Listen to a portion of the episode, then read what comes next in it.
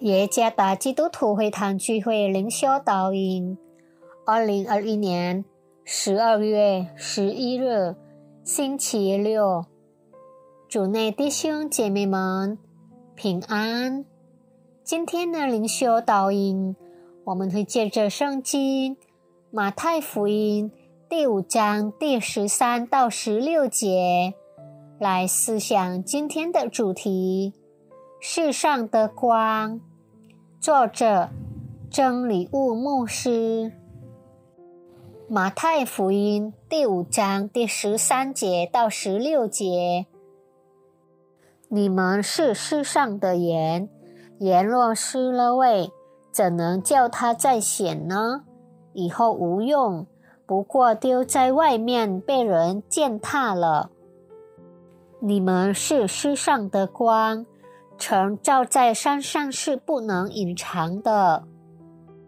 人点灯不放在斗底下，是放在灯台上，就照亮一家的人。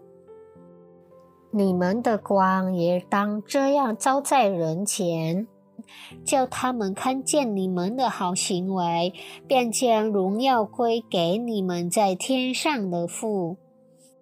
晚上突然停电的时候，第一步我们采取的行动是寻找选择替代的光源。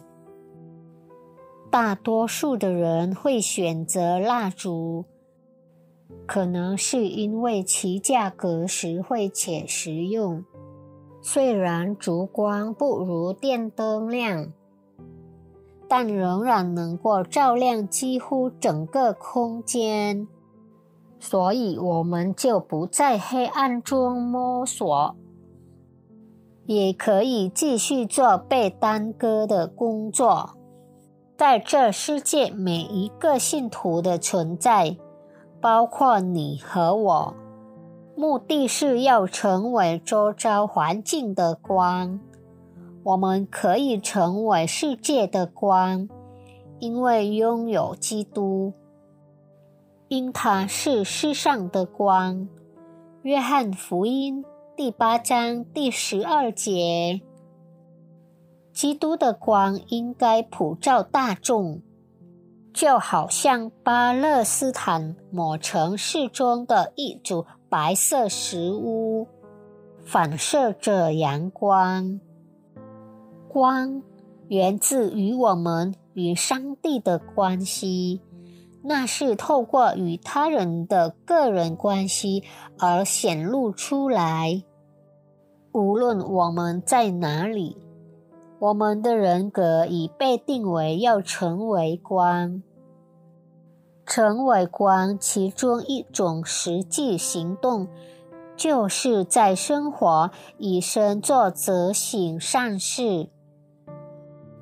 以高尚的生活态度和有建设性的言辞，为要能维持我们与上帝的关系能生长发展，持续学习上帝的圣言，学习成为行道的人，即侍奉上帝。无论在任何情况下。